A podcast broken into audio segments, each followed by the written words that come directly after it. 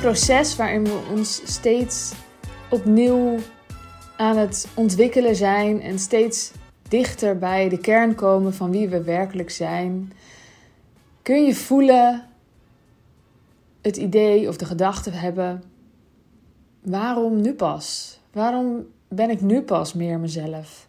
Waarom niet vroeger? Waarom niet al die tijd? En je kan je boos voelen. Je kan je boos voelen op de mensen die je hebben opgevoed. Je kunt je boos voelen op uh, de leerkrachten die je hebben omringd en niet, niet zagen wie jij werkelijk was. Je kunt boos zijn op jezelf. Want waarom lukt het je nu pas om jezelf te worden? Waarom kon dat vroeger niet? En al die waarom-vragen helpen natuurlijk helemaal niet zoveel. Je hebt er gewoon niet zo heel veel aan. En ik denk dat het je helpt om er milder naar te kijken. Sowieso heeft het meer zin om gewoon andere vragen aan jezelf te stellen dan waarom dit, waarom dat. En blij te zijn met dat je steeds dichter bij de kern van jezelf komt. En het kan natuurlijk vet confronterend zijn als je steeds weer iets nieuws ontdekt. Dat je denkt, ach, ik dacht dat ik daar overheen was. En hier loop ik nog steeds tegenaan. En oh, daar ben ik ook nog gewoon een soort half kind in. Moet ik ook nog iets mee. Ik denk dat het erbij hoort. Ik denk dat we hier ook op aarde zijn om onszelf verder te ontwikkelen.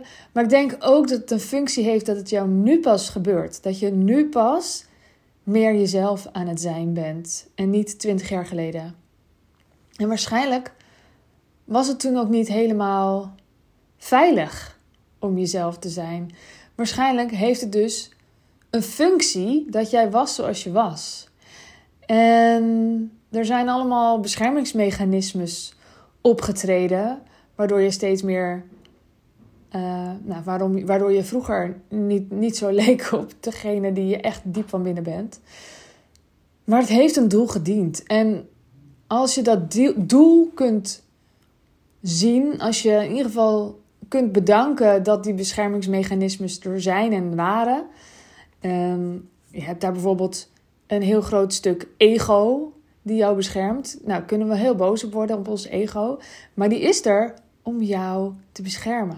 En als je kunt omarmen dat het nu komt omdat dit het perfecte moment is, dan kan je al die andere dingen gewoon achter je laten. Al die gedachten die er veel meer van maken, waardoor je blijft hangen in het verleden.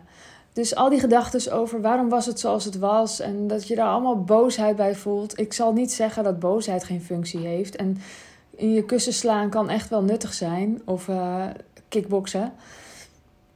Maar je bereikt er niet heel veel mee om daarin te blijven hangen. Wat telt is dat dit dus het moment is. Nu ben je toch wie je nu bent.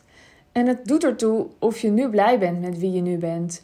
Of dat je denkt, uh, ik uh, wil nog wel echt dingen echt rigoureus anders. En dat je daar dan mee aan de slag gaat. Maar ook dan is het niet zo heel nuttig om eindeloos maar boos te zijn op omgeving en op hoe het was en op hoe. Nee, nogmaals, ik geloof wel echt in uh, dat boosheid een functie heeft. Maar nou ja, het zal ook een persoonlijke voorkeur zijn. Wat mij betreft uh, hoeft dat echt maar heel kort te duren. ik wil gewoon veel liever bezig zijn met nu. Uh, en dat gun ik jou ook. Ik gun jou ook gewoon dat je bezig bent met nu. Nu is het moment om te zijn zoals je werkelijk bent. Zoals je altijd al was en zoals je als babytje hier op aarde bent gekomen. En zoals je, ja, waar je nu weer naartoe gaat. Je zal niet helemaal op dat punt weer zijn, maar uh, je bent onderweg. En we mogen een hele tijd onderweg zijn. Wat mij betreft ben ik mijn hele leven onderweg.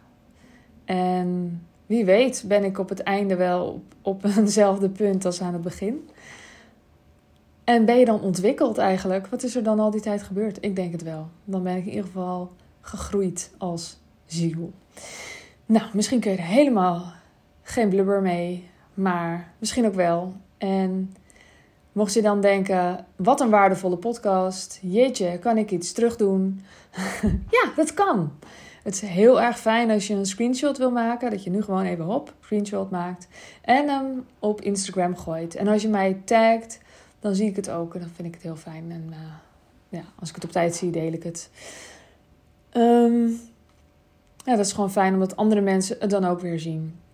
Wist je al dat je gewoon kan abonneren trouwens op mijn podcast? Dat uh, kan tegenwoordig. Oh nee, dat kan al heel lang ook op Spotify. Maar je kan nu ook reviews geven op Spotify. En volgens mij heb ik er nul.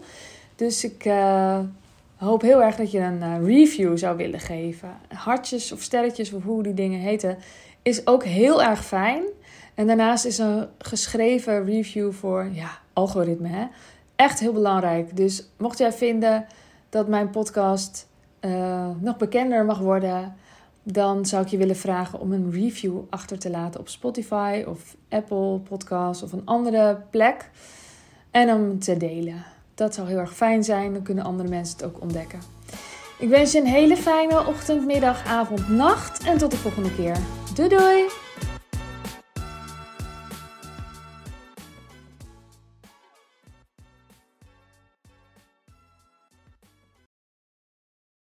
Wil jij bouwen aan 10 keer meer eigenaarschap over je leven? Wil je dat door middel van zelfvoorzienend leven in het kleinste zin van het woord, ondernemerschap en persoonlijk leiderschap?